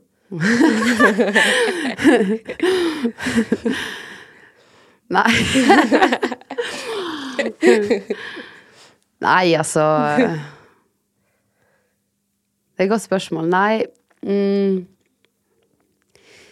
Nei, men jeg har nå kanskje eh, Ja, eller sånn Altså, det er en merkelig greie der, for som sagt, hvis jeg på en måte skal gjøre liksom Jeg gjorde jo selvangivelsen min i alle år før jeg liksom uh, Før vi fikk regnskapsfører og sånne type ting, og, og da kan jeg gå så sykt inn i det og sitte og helt sånn klistra til. Men sånn der Og liksom Hvis vi er på tur og er backstage, så klarer ikke jeg å sette meg ned og skal begynne med e-mails når vi er liksom alle sammen samla. Og, og, og det er jo en eksempel sosiale medier kan jeg jo synes er utfordrende, fordi at jeg er bare så sykt i det som vi gjør. Hvis jeg skulle måtte, gå over i en annen jobb, så måtte det vært liksom noen ting som, som var um, Hadde noe Altså sykepleier, for eksempel. Som er liksom um, mer praks, praktisk jobb, da. Jeg kunne ikke ha sittet liksom um, på et kontor og jobba. Um, kanskje hvis det var musikk og man liksom, hadde noen dager der man var ute og altså, sånne type ting. Men, men nei, jeg, jeg tror nok jeg liksom har er for altfor rastløs til å gjøre det, ja. Mm. Shit. Men tenk å få deg som sykepleier, da. Det, Ja, det kan, kan jo hende en dag. ja. ja, det går jo bra med musikken, så det ser ikke ut som det skjer. Nei, men eh, Ja, nei. Men eh, sykepleier var sånne ting som jeg tenkte på hvis jeg ikke skulle gjøre musikk, eksempel. En av mange ting. Men mamma er jo eh, jazzmusiker og um, jobba på intensiv. Og pappa jobba på barneskole og var lærer da, ved siden av musikken. Så jeg har alltid tenkt, liksom, før de siste årene, så har alltid tenkt at på et eller annet tidspunkt så blir jeg sikkert å få meg en jobb ved siden av. Nå er det kanskje ikke er det kanskje ikke aktuelt, men jeg har alltid gjennom hele liksom, de første ti årene jeg drev musikk, så tenkte jeg at det var at jeg, at jeg skulle nok ha en annen jobb òg ved siden av. Ja. Hva slags jobber hadde du før? Du, du, sa du hadde fire jobber. Ja, jeg er veldig glad i å jobbe, da. um, nei, jeg jobber på eldreboliger, og så jobber jeg på um, bar på Blårock i Tromsø. Og så jobber jeg på Carlings. Og så jobber jeg på Vinmonopolet. Det var den siste jobben jeg hadde før jeg liksom ikke hadde en jobb, eller bare gjorde musikk, da. Uh, og så jobber jeg jo um, på somrene, fra jeg var ganske ung, så jobber jeg på um, uh, som uh, kelner, eller ikke kelner, men altså, servitør. servitør, da. På, der som vi har, på Andenes, der som vi har hytta. Og det begynte jeg veldig tidlig med, så da fikk jeg liksom Da jobba jeg hele sommerferien da når vi var der ute. Um, og så jobba jeg på et tidspunkt med å vaske en trappeoppgang, og den fikk jeg faktisk sparken fra. Nei? Ja, fordi at, fordi at jeg, Det var så inn i granskauen kaldt, den der Det var jo på vinteren. Og da var jeg nok inne i en liten sånn periode der jeg var liksom akkurat kanskje begynt å, å gå liksom, være litt ute med venner på lørdagskveldene og sånn, og det her var hver søndag, da.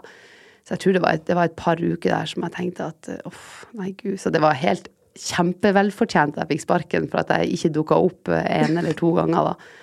Eh, så til slutt så sa de nei, det funka dårlig, det her. Så sier jeg ja, det, det gjorde visst det. Det var Nei, ikke kjempestolt av det, men det, der fikk jeg sparken til slutt, da. Men, eh, men ja, jeg sjonglerte veldig mye forskjellige jobber også mens jeg gikk på skole da i Tromsø, så. Så det var Det er jo det her med å være frilanser, det er jo det er jo en, mye usikkerhet. Og jeg tenkte litt på det også i forhold til liksom Når jeg har vært litt i sessions og sånn der, og vært rundt og jobba med folk som kanskje er litt mer i sånn startgropa, så, så har det alltid vært en sånn derre så kan det ofte være en sånn følelse av at hvis folk liksom må ha en jobb ved siden av, så er det sånn At det er nederlag, eller at det liksom skulle være flaut på noen måte, at man ikke kan leve 100% av Så jeg tenkte at det syns ikke jeg overhodet. Jeg syns det bare det viser kanskje enda mer at du liksom er villig til å gjøre det som skal til for å, til å få til og det er arbeidskapasitet, og det viser at du liksom eh, Altså de veldig, veldig mange eh, som, som, må ha en jobb ved siden av et sånn kreativt yrke, eller jobbe som, når de jobber som frilanser. Det, det, det, er utrolig mye kvaliteter som kommer med å, å stå i det, liksom, som jeg syns man skal bare gi en stor high five for. Ja. Så det syns jeg aldri har vært liksom at at det, er noe man skal liksom skjemmes over, at man ikke jobber, får 100 til, liksom. Det, det, viser bare at man eh, villig til å stå på og fortsette å gjøre det, selv om det ikke er bestandig enkelt. Ja, og det, ja. da tenker jeg at da har du en skikkelig Da brenner du for det, liksom. Ja, jeg fikk mye kommentarer da folk var sånn Ja, skal du jobbe i klesbutikk? Er ikke du skuespiller? Eller sånn. Mm kjente man jo mye på det, og så var det sånn, orka nesten ikke å møte folk. For det var sånn Ja, hvordan går det nå, da? Ja. Skulle ikke du til Hollywood? Så er det sånn Nei, det Nei, det skal man virkelig ikke skjemmes over. Har du noen gang sett tilbake nå og vært sånn vurdert om Ikke nå, selvfølgelig, men har det vært noen perioder etter du ble 25 hvor du har tenkt Går det, eller? Ja, det er klart, de første årene så var det jo ja. Da var det jo Det, det koster jo å f.eks. fære på tur og sånn, så det er klart, de første årene så var det jo sånn at man liksom eh, eh, gikk akkurat i At man klarte akkurat å, å liksom gå rundt, da. Men da var jeg jo Det var jo i flere år jeg var liksom hjemme og jobba i jula, desember og på sommeren på polet. Og mm, det var vel Og etter backbeat òg, liksom. Um, så det tok jo litt tid før man kom dit at det begynte å, å gå rundt, og man virkelig begynte å Um, å se at man kunne leve av det uten å måtte ha noe ved siden av. Det var en lang vei dit. Sånn det er sikkert litt fint for folk å høre òg, at det Ja. Det um, Men det, som sagt, det stoppa da, da, tenkte man ok, da er det det som må til, da. Så ja. gjør man det, liksom. Og nå kommer siste spørsmålet. Hva er dine favorittsanger? Det er vanskelig, altså. Som du har skrevet selv? Og som jeg har skrevet ja. sjøl, ja. For nå gikk jeg rett på som andre har skrevet. Uh, jeg tenkte kanskje jeg begynte å få det spørsmålet. Så jeg tenkte litt på det faktisk i dusjen på, liksom rett før jeg kom hit. Så tenkte jeg at gud, hvis jeg får det spørsmålet, hva skal jeg si da? Um, ja, nei, altså det er jo veldig lett at man alltid sier det siste. fordi at det er det som er nyest, og derfor så er det uh, Man er liksom ekstra sånn energi på det nye. Så det er klart at akkurat nå har jeg lyst til å si 'Heartbreak in the Making'. Men um, sånn overall så er det jo liksom kanskje backbeat for at det var den første.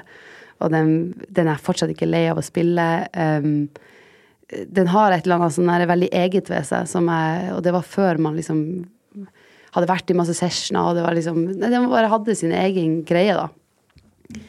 Um, og så er det jo Love You Like That, selvfølgelig, som, um, som var veldig personlig, og um, som jeg også har merka liksom, treffer folk på en veldig sånn spesiell måte. så det er veldig mye sånn fine historier rundt som andre forteller hvordan hva deres forhold til låta er. Og det gjelder også Somebody. Somebody også ble jo en sånn låt som folk har skapt mye minner til. Og det er jo mm. selvfølgelig kjempefint å se og, og høre de storyene. Og Mm, og, og merker at jeg liksom har truffet folk, da, og at de har, at jeg har lydsatt deres minner, liksom. um, og så var jeg veldig glad i Used to. Det også var en veldig personlig låt. Uh, litt ikke like liksom, lykkelig som Love You Like That, eller som Så det, det var jo kanskje litt sånn at jeg av og til kunne være litt sånn klump i magen av òg, men det var en låt som jeg hadde et veldig sånn sterkt forhold til. Nå har ikke vi spilt den så mye de siste året, eller to årene, så nå tror jeg vi må kanskje hente den litt tilbake igjen. Gjøre noe nytt. Men mm. hele albumet også var veldig sånn Det var så gøy prosess, og alle de låtene hadde så forskjellige så mye fine minner rundt mange av de låtene. Jeg syns Please Look At Me for eksempel, var mm. sykt gøy å spille live. Og den var også noe helt annet enn de andre tingene jeg har gjort, så den også fikk jeg sånn veldig forhold til. Skal vi gå ut på den? Ja. Tusen takk. Og takk for at du ville komme. Veldig hyggelig å være her. Takk for praten. Det var veldig gøy.